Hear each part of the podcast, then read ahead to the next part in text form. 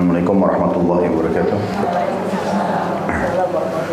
Alhamdulillah wassalatu wassalamu ala Rasulillah. Segala puji dan puja kehadirat Allah Subhanahu wa taala juga salawat dan taslim kepada Nabi besar Muhammad sallallahu alaihi wasallam. Melanjutkan bahasan bedah buku Riyadus Salihin kita ditulis oleh Imam Nawawi rahimahullah dan kita masuk sekarang bab larangan berbuat zalim.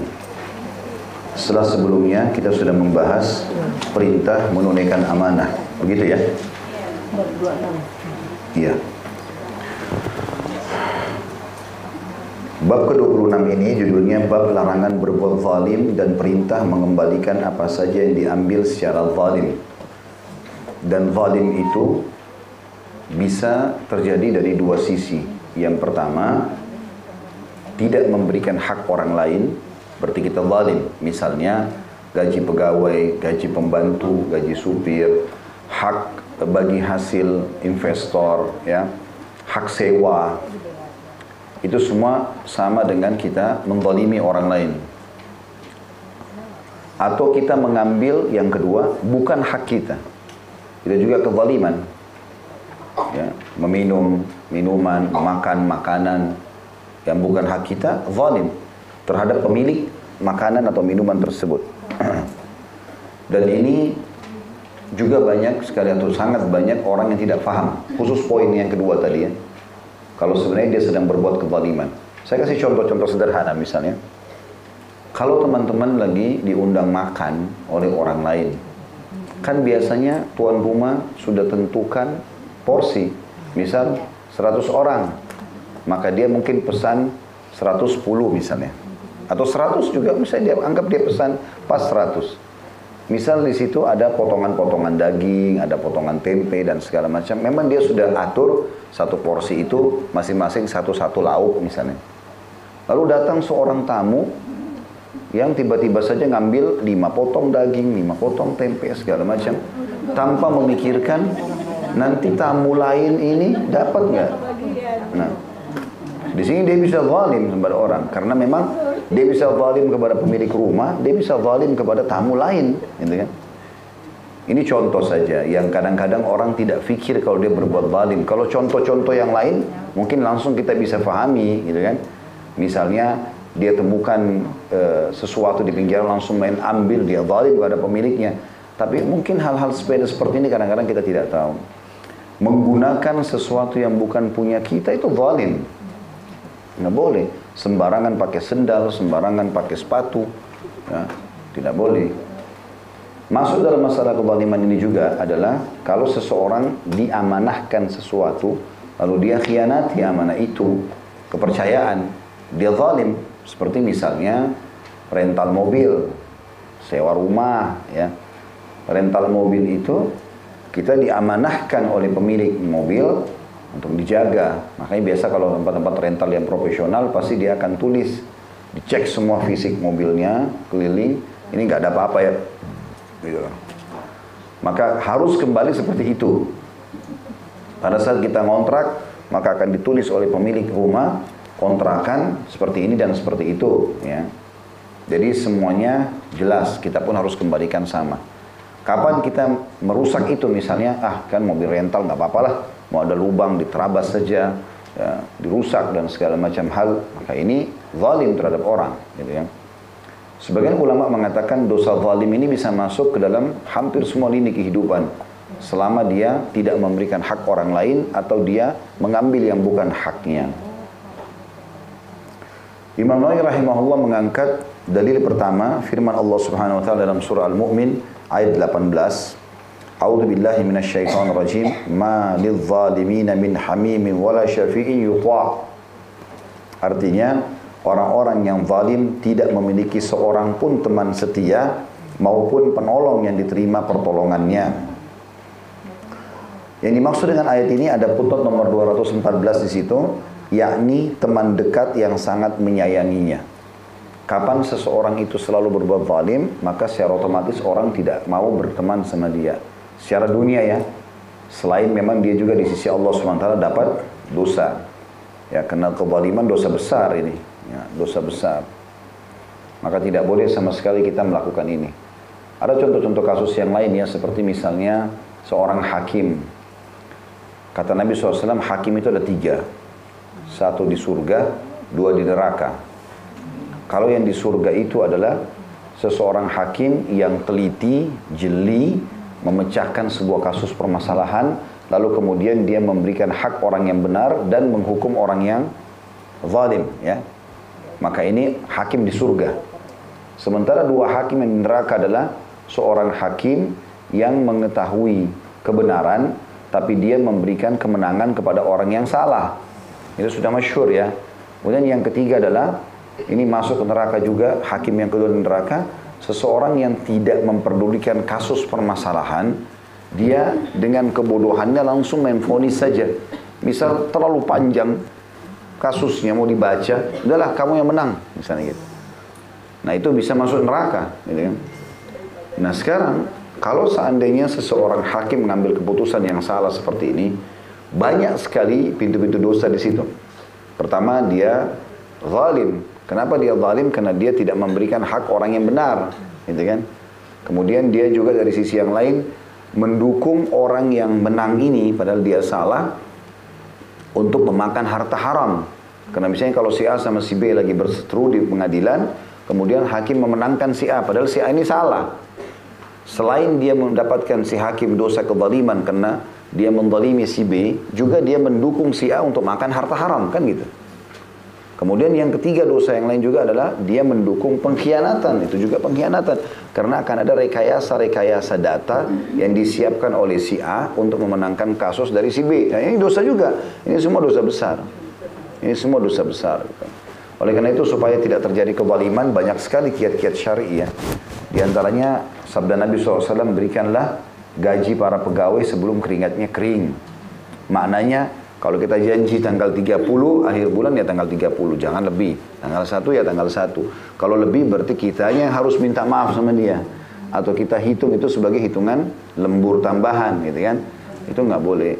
Kita lalai masalah itu karena kita bisa zalim dengan mereka. Dan ini bahaya. Dituntut misalnya. Makanya Islam menutup pintu itu beri upah mereka sebelum keringatnya kering misalnya kan gitu.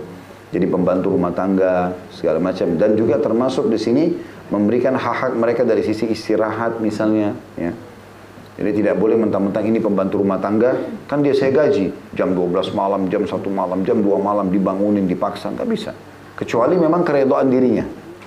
Tidak boleh sama sekali kita paksakan. Karena Nabi SAW mengatakan, berilah Ya, sesungguhnya para pelayan-pelayan kalian itu adalah orang-orang yang Allah tundukkan di tangan kalian untuk melayani kalian maka berbuat baiklah pada mereka.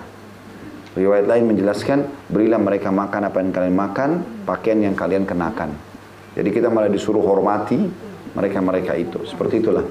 Jadi menilai tentang apa yang harus dinilai dari hak orang lain itu adalah menutup pintu-pintu kezaliman. Ya. Jadi ada orang kadang-kadang Coba hubungi si fulan, coba hubungi si fulan, padahal dia sendiri nggak ngisiin voucher orang misalnya. Dia langsung saja meminta tolong sama stafnya, mana vouchernya mana? Masa harus pakai uang dia? Kan tidak boleh zalim, gitu kan? Contoh saja. Jadi ini harus hati-hati tentunya. Karena ada sebuah hadis yang sangat tegas yang membunyi dua dosa yang pasti disegerakan siksanya di dunia sebelum akhirat. Durhaka sama orang tua dan kezaliman. Ini kapan terjadi? Bisa disegerakan siksaannya di dunia. Nah, harus hati-hati tentunya. Dalil yang kedua adalah surah Al-Hajj ayat 71 yang berbunyi minasyaitonirrajim. Wa ma lidh-dhalimin min nasir dan orang-orang zalim tidak memiliki seorang penolong pun. Maksudnya Allah Subhanahu wa taala akan mengalihkan orang yang zalim ini agar tidak ditolong oleh siapa-siapa. Jadi walaupun orang mau menolongnya tidak bisa, terhalangi. Adapun hadis-hadis yang bicara masalah bab ini adalah antara lain hadis Abu Dzar radhiyallahu anhu yang telah disebutkan pada bab mujahadah. Ya, ini ada di nomor 113 hadisnya ya. Nomor 113. Kalau kita kembali ke hadis 113 itu ada di uh, halaman 139 hadis ke-17 atau hadis terakhir dalam bab mujahadah. Ya, ini pernah kita rincikan panjang lebar dan hadis ini adalah hadis yang sangat agung, mulia sekali. Kata Nabi sallallahu ya, kata Nabi SAW Allah berfirman Ya ibadi inni haramtu dhulma ala nafsi wa ja'altuhu bainakum muharraman fala tadhalamu Wahai hamba-hambaku, aku telah mengharamkan kezaliman terhadap diriku. Allah tidak akan menzalimi hamba-hambanya. Semua akan menemukan sesuai dengan kadar perbuatannya. Bahkan Allah itu sangat dermawan. Kalau orang berbuat baik dan patuh diberikan tambahan bonus. Kalau orang melakukan pelanggaran hanya dihukum sesuai dengan kadar pelanggarannya saja. Hai hamba-hambaku, aku telah mengharamkan kezaliman terhadap diriku dan aku jadikan haram di antara kalian maka jangan kalian saling mendolimi. Ini saksi bahasan kita ya. Hadisnya panjang ini. Saya tidak ulangi lagi karena kalau saya ulangi ini rinciannya panjang. Dan sudah pernah kita jelaskan di nomor 113 hadisnya di halaman 139. Bagi yang tertarik untuk mereview kembali hadis ini karena ini hadis mulia sekali membicarakan tentang kemahakuasaan Allah, dia memberikan kita pakaian, dia memberikan kita makan, memberikan kita minum, tinggal bagaimana kita bermanja dengan Allah maka ini bisa kembali ke YouTube sudah ada insya Allah diupload oleh teman-teman hadis tentang bab mujahadah nomor 113. Makanya di sini Imam Nawawi rahimahullah tidak mengulangi lagi hadis itu karena hadisnya panjang. Beliau hanya mengatakan kembali ke hadis itu dan kita sudah bacakan tadi saksi bahasan hadis yang panjang itu di potongan pertamanya. Bahwasanya Allah mengharamkan kezaliman terhadap dirinya, maka dia pun menjadikan haram di antara hamba-hambanya. Kita masuk ke hadis pertama dalam bab kita ini adalah hadis nomor 208. Dari Jabir radhiyallahu anhu bahwa Rasulullah SAW bersabda, "Ittaqul zulma fa inna zulma zulumatun yawmal qiyamah. Wattaqus syuhha fa inna syuhha ahlaka man kana qablakum." hamalahum ala an safaku dima'ahum wastahallu maharimahum. Takutlah kepada kezaliman karena kezaliman itu adalah kegelapan-kegelapan pada hari kiamat. Dan takutlah terhadap sikap kikir, karena kikir telah membinasakan orang-orang sebelum kalian. Sifat kikir telah menyebabkan mereka menumpahkan darah mereka dan menghalalkan apa-apa yang diharamkan kepada mereka. Hadis sahih riwayatkan oleh Imam Muslim. Ada putun di situ nomor 216 di bawah. Bunyinya adalah yakni umat-umat sebelum kalian. Maksudnya takutlah terhadap sikap kikir karena kikir telah membinasakan orang-orang sebelum kalian, maksudnya umat-umat sebelum kalian. Dan di situ juga ada keterangan di footnote nomor 217, sifat kikir telah menyebabkan mereka menumpahkan darah mereka. Maknanya adalah mereka saling membunuh, sedangkan menghalalkan yang haram artinya mereka menghalalkan wanita sehingga melakukan perzinahan dengan mereka dan menghalalkan apa-apa yang diharamkan kepada mereka maksudnya menghalalkan perzinahan itu ya. baik kita masuk kepada rincian hadis seperti biasa pelajaran pertama diambil dari hadis ini adalah potongan sabda Nabi SAW ittaqul zulma. Takutlah kepada kezaliman. Bisa bermakna juga ittaqu artinya jauhilah. Ya, selamatkan diri kalian dari kezaliman. Dan ini saksi bahasan kita bahwasanya Nabi alaihi salatu mengingatkan dengan sangat tegas agar umatnya jangan sempat ada yang berbuat kezaliman atau jangan sampai ada yang berbuat kezaliman. Jadi ini potongan pertama, artinya haramnya kezaliman itu.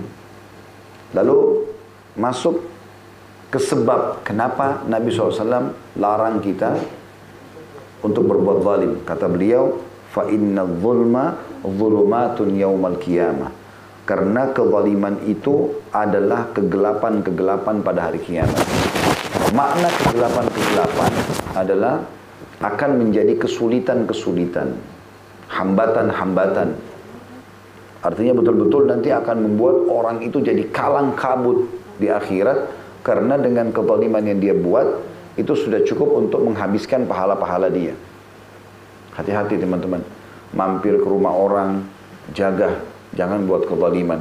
Mengotori tempat orang kah, merusak benda orang. Itu semua masuk dalam masalah kezaliman karena kita sedang melakukan kezaliman terhadap diri orang itu. Ya. Hati-hati. Bahkan sampai nginap di hotel pun kita harus tahu mana yang halal buat kita, mana yang tidak. Tidak boleh pulang bawa pulang handuknya orang. Lah iya. Yang boleh misalnya mungkin sabunnya, itu pun tanya, ini sabun bisa saya ambil nggak? Karena ada orang pulang dari hotel diangkat semua. Syukur-syukur kalau dia nggak cabut spraynya orang. Siapa tahu, ya. Ada orang mungkin begitu, gitu kan? Maka harus hati-hati. Kita harus tahu dan wajar kalau kita bertanya mana yang boleh buat saya. Nggak apa-apa. Gitu. Sama di kantor, teman-teman tanya sama pemilik perusahaan mana yang halal buat saya. Gitu. Yang tidak halal jangan sentuh, nggak boleh. Pulang ke rumah bawa gula dari kantor, bawa kopi, bawa macam-macam. Kenapa di kantor banyak? Iya, banyak buat orang semua, bukan untuk kamu saja gitu kan. Tapi banyak orang begitu, subhanallah. Kantongin satu saja itu sudah bahaya itu. Satu saset saja dibawa pulang. Tapi ternyata peraturan kantor harus diminum di kantor, nggak boleh. Zalim namanya. Itu masalah-masalah kecil, tapi realita di lapangannya ada. Makanya pernah ada satu orang, sahabat Nabi namanya Kir-Kira. Kir-Kira ini kayak budak, tapi dia kerjanya, dia membantu Nabi SAW. Selain ngangkat pelana ke kuda Nabi kalau mau berperang gitu ya. Dia ikut ke Khaybar. Khaybar ini lokasi yang, per, yang pernah dikuasai oleh orang Yahudi dan direbut oleh kaum muslimin di zaman Nabi SAW. Maka pada saat dia lagi turunkan pelana kudanya Nabi, tiba-tiba ada anak panah nyasar dari musuh, kena dia, mati. Semua sahabat mengatakan, uh berita gembira dia, mati syahid. Karena mereka keluar dari Madinah mau mati gitu kan. Tapi orang ini tiba-tiba dapat anak panah nyasar kena dia. Berarti masuk surga. Diampuni semua dosanya kalau mati syahid. Kata Nabi SAW, tidak. Dia masuk neraka. Karena di kantongnya ada sapu tangan yang dia ambil dari harta rampasan perang sebelum dibagi. Jadi kan kalau pasukan kita Islam masuk ke satu wilayah menang nih. Kita kalah pasukan musuh. Nah semua yang di pasukan musuh itu jadi harta rampasan perang. Namanya ghanimah. Tapi nggak boleh kita ambil sebelum dikumpul ke panglima perang. Dikeluarkan dulu seperlimanya untuk Allah dan Rasulnya.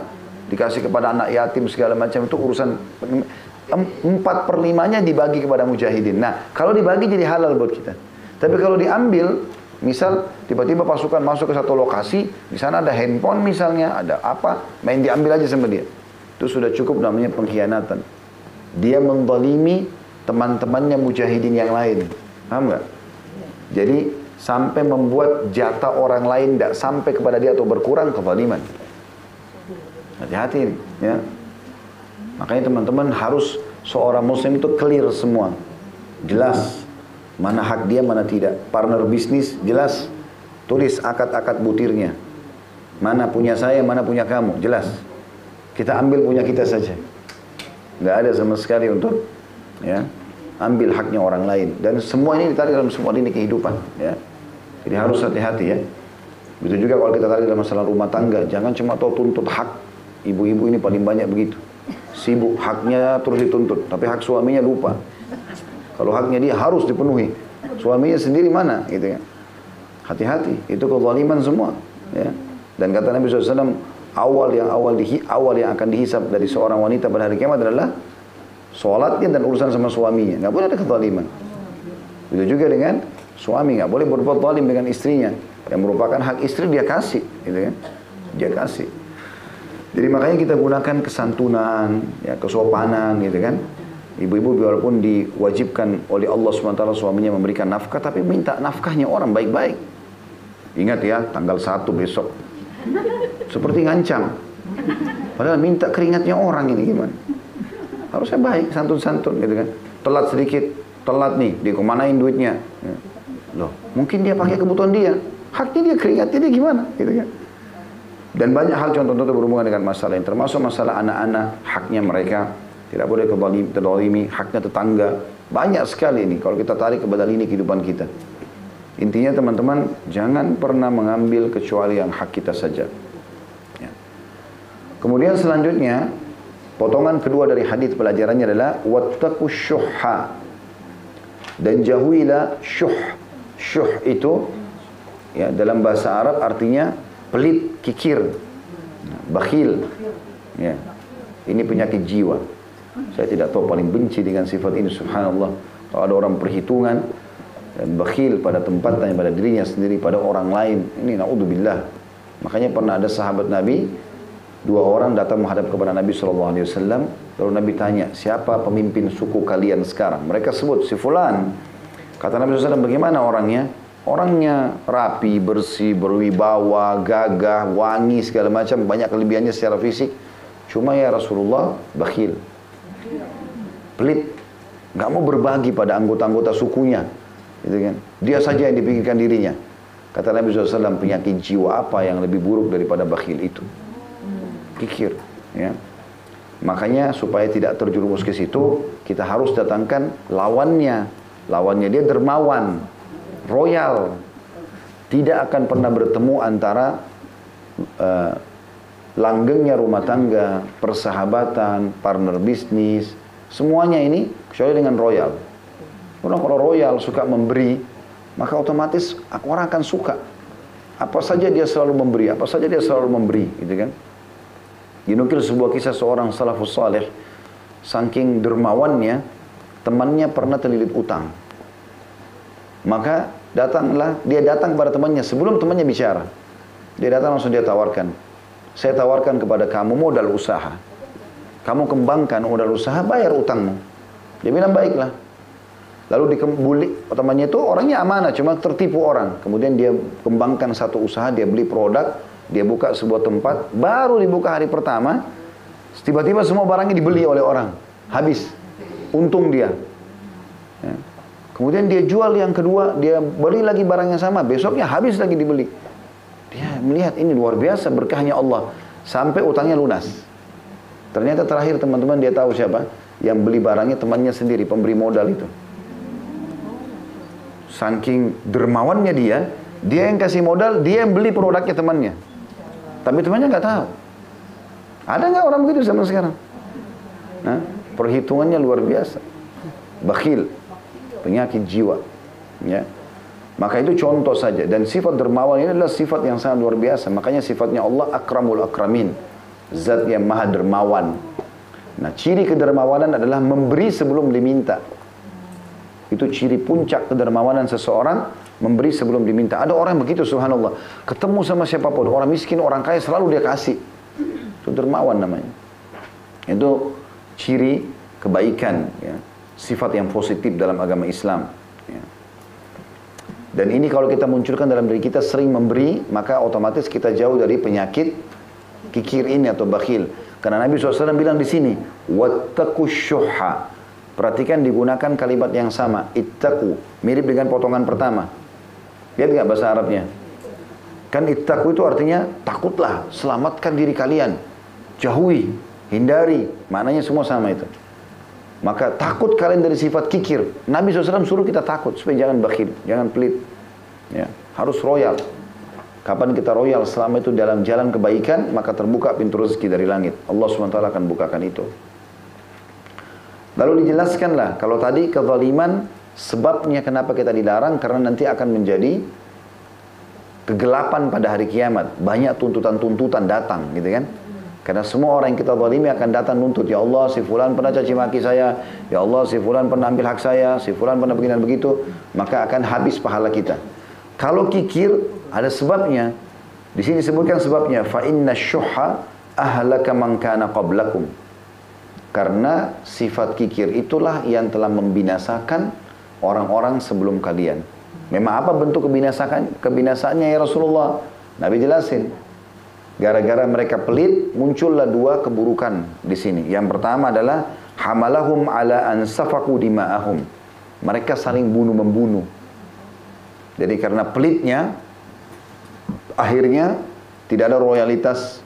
Maka secara otomatis saling bunuh-membunuh antara ahli waris sama yang lainnya. Ya. Bahkan ada anak membunuh orang tuanya supaya cepat dapat warisan. Ya. Menumpahkan darah. Hmm. Karena pelitnya ribut rumah tangga. Ya, karena tidak mau memberi ke istri, istri tidak mau berbagi pada suami. Ribut gara-gara itu. Dan bisa bukan mustahil karena ribut hanya saling bunuh-membunuh. Dan sekian banyak kasusnya. Intinya memang ujung-ujungnya bisa membuat ya Orang saling bunuh-membunuh. Yang kedua, wastahallu maharimahum. Dan mereka menghalalkan apa-apa yang diharamkan kepada mereka. Maksudnya akan melakukan perzinahan. Di situ dikatakan dalam terjemahannya ya, dipotong nomor 217. Sedangkan menghalalkan yang haram artinya mereka menghalalkan wanita sehingga melakukan perzinahan dengan mereka. Ya. Artinya orang yang bakhil itu, uang-uang yang mereka pelitkan, umumnya larinya kepada yang haram. Kalau haram dia royal. Karena dia tutup pintu royal kepada halal, maka dia royal kepada haram. Sama istrinya dia bakhil, sama suami dia bakhil. Tapi kalau sama selingkuhannya luar biasa. Kan begitu. Maka dia mana royal. Ini kenapa? Karena bermula dari sifat bakhil itu. Muncul salah langkah atau salah eksekusi di lapangan. Muncul penyakit itu yang Nabi SAW sebutkan. Akhirnya mereka menghalalkan perzinahan tadi dan itu yang terjadi umumnya ya karena berawal daripada sifat bakhilnya itu atau pelitnya itu. Tapi saksi bahasan kita dari hadis 208 ini adalah potongan pertama ittaqul takutlah kalian kepada kezaliman itu. Ya, kalau masalah kikir ini sebenarnya bukan bahasannya tapi karena disebutkan dalam hadis maka kita rincikan juga tadi. Hadis yang kedua dalam bab kita ini nomor 209 Artinya Bapak Ibu sudah belajar 209 hadis. Dari Abu Hurairah radhiyallahu anhu bahwa Rasulullah SAW bersabda, "La tu'addanna la tu'addanna al-huquqa ila ahliha yawm al-qiyamah hatta yuqada lisyatil jalha'i min qarna." Demi Allah, Nabi SAW mulai sabdanya dengan sumpah hak-hak akan ditunaikan kepada para pemiliknya pada hari kiamat. Ada footnote nomor 218 di situ. La tu'addanna dengan tak bertitik dua atas di dhamma, hamzanya di fathah dan dal bertasydid di fathah yakni demi Allah. Allah akan menunaikan hak-hak Kemudian disebutkan di situ jalha ada potongan setelahnya ya yang kata Nabi SAW hingga kambing yang tidak bertanduk diberi hak kisos hukuman balas terhadap kambing yang bertanduk. Di putnot yang sama masih 218 itu ditulis jalha di dalam bahasa Arab tadi dikatakan hatta yukada lisyatil jalha. Dengan jim di fathah lam disukun dan ha tak bertitik artinya tak bertanduk. Ini adalah keterangan yang jelas bahwa pada hari kiamat hewan-hewan akan dibangkitkan dan dikumpulkan di mahsyar sebagaimana dibangkitkannya manusia mukallaf. Manusia mukallaf maksudnya manusia yang terbebani dengan hukum ya. Bahasa Arabnya mukallaf termasuk anak-anak kecil dan orang gila. Semua akan dibangkitkan dan akan dituntut atau akan diberikan haknya kalau terzalimi dan akan dituntut kalau orang ter, orang menzalimi. Pelajaran dari hadis ini yang kita bisa ambil adalah bagaimana Nabi SAW telah mengingatkan kepada kita agar sebelum meninggal dunia harus segera menyelesaikan hak-hak orang lain apa pun sifatnya. Kalau Bapak Ibu lupa berdoa kepada Allah Subhanahu wa taala, minta agar diberikan petunjuk ya. Ya Allah berikanlah aku petunjuk kalau masih ada hak-hakmu, hak makhlukmu yang belum hamba ini tunaikan, ingatkanlah, mudahkanlah. Ya, mudahkan itu. Jadi kita tidak pernah tahu. Saya sering atau kadang-kadang menjadikan sebagai doa ini. Beberapa hari lalu sempat ada yang WA ke istri saya, kebetulan Rupanya ini istri dari seorang yang pernah bekerja sama kami di restoran gitu kan. Dia orang ini mungkin berhenti bekerja dari 5-6 tahun yang lalu. Dia ada kegiatan, dia harus pergi ke Jawa Tengah, dia pindah. Kemudian pernah satu waktu dia lembur ada hak dia yang 500 ribu rupiah, tidak besar, yang sudah kami janjikan. Seingat saya sudah saya kasih gitu. Tapi setelah 5-6 tahun berjalan, istrinya WA ke istri saya, dia mengatakan, maaf Umi saya cuma mau memastikan eh, apa memang dulu hak suami saya itu yang 500 ribu sudah dikasih belum? Mungkin ini bagi kita untuk apa orang ini WA kan sudah dikasih dulu gitu kan. Tapi saya langsung ingatkan istri saya, jangan dianggap negatif karena bisa saja ini peringatan dari Allah. Siapa tahu memang saya yang lupa. Bersyukur Allah ingatkan. Tidak apa-apa, kasih langsung. Jadi selesai. Contoh saja. Ya mungkin itu efek daripada doa yang kita sampaikan. Kita nggak tahu. Jadi tiba-tiba Allah ingatkan. Lebih baik kita ingat di dunia daripada di akhirat kan gitu. Walaupun kita mungkin yakin sudah memberi, sedekah aja kasih, nggak masalah. Siapa tahu memang kita lupa kan gitu, kita nggak tahu apalagi sudah berjalan sekian tahun. Ini contoh saja ya. Ini bisa masuk ke dalam semua lini kehidupan kita. Jadi hati-hati teman-teman, hati-hati. Kalau ibu-ibu pernah punya seorang pembantu, mungkin pernah ibu zalimi, lupa kasih gaji, terlalu paksa dia bekerja, ada nomor teleponnya, sampaikan maaf. Maaf, gak ada ruginya, maafin saya kalau masalah kamu kasih dia hadiah baju ke apa, yang penting jangan ada hisap hari kiamat, aman. Daripada ngotot-ngototan egois, enggak untuk apa, gini segala. Oh ini bahaya masalah ini, berat ya. Apa kata Nabi SAW? Kalian harus demi Allah menunaikan apa pun kepada pemiliknya. Walaupun dia itu adalah pegawai kita atau orang bawahan kita misalnya, dan dia punya hak kalau tidak, maka akan dia ambil haknya itu di hari kiamat. Jangankan kalian, seakan-akan Nabi mau bilang begitu ya. Domba yang tidak bertanduk, kalau ditanduk oleh domba yang bertanduk, tanpa sebab Allah bangkitkan dan Allah hukum yang bertanduk itu. Domba bagi kita mungkin hewan tidak berakal menurut manusia begitu ya. Tapi tetap harus ada alasan kenapa dia tanduk temannya. Allah adili semua barahan kiamat. Kalau domba saja diadili kena menanduk, bayangkan saja kalau tanduk itu. Mungkin dia iseng, dia lagi berebut makan sama temannya lalu dia seruduk temannya. Sudah cukup itu akan dihisap hari kiamat. Hah? Makanya tadi saya kasih contoh, ambil makanannya orang itu sama. Ya, dan seterusnya lah hal-hal yang lain ya. Harus hati-hati teman-teman sekalian, hati-hati. Mungkin teman-teman ada yang laundry di luar, begitu kembali ternyata bukan pakaian kita, kembalikan Jangan tiba-tiba, oh karena bagus ambil. Atau misalnya, uh, ah bukan pakaian saya, buang aja di sampah. Untuk apa kembali jauh-jauh? Misal, nggak boleh. Zalim. Gitu kan? Nggak boleh sama sekali. Dan sekian banyak contoh-contoh lah. Ini harus pokoknya intinya amanah semuanya. Ya.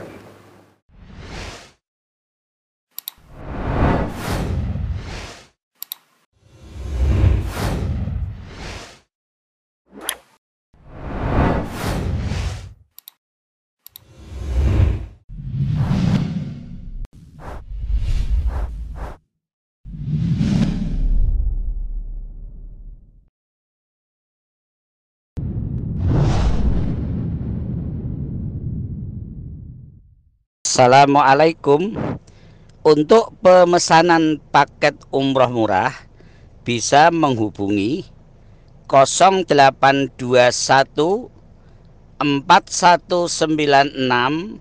0857 Kami ulangi sekali lagi Untuk pemesanan paket umroh murah Bisa menghubungi 0821 4196 0857 Sekali lagi 0821 4196 0857 Terima kasih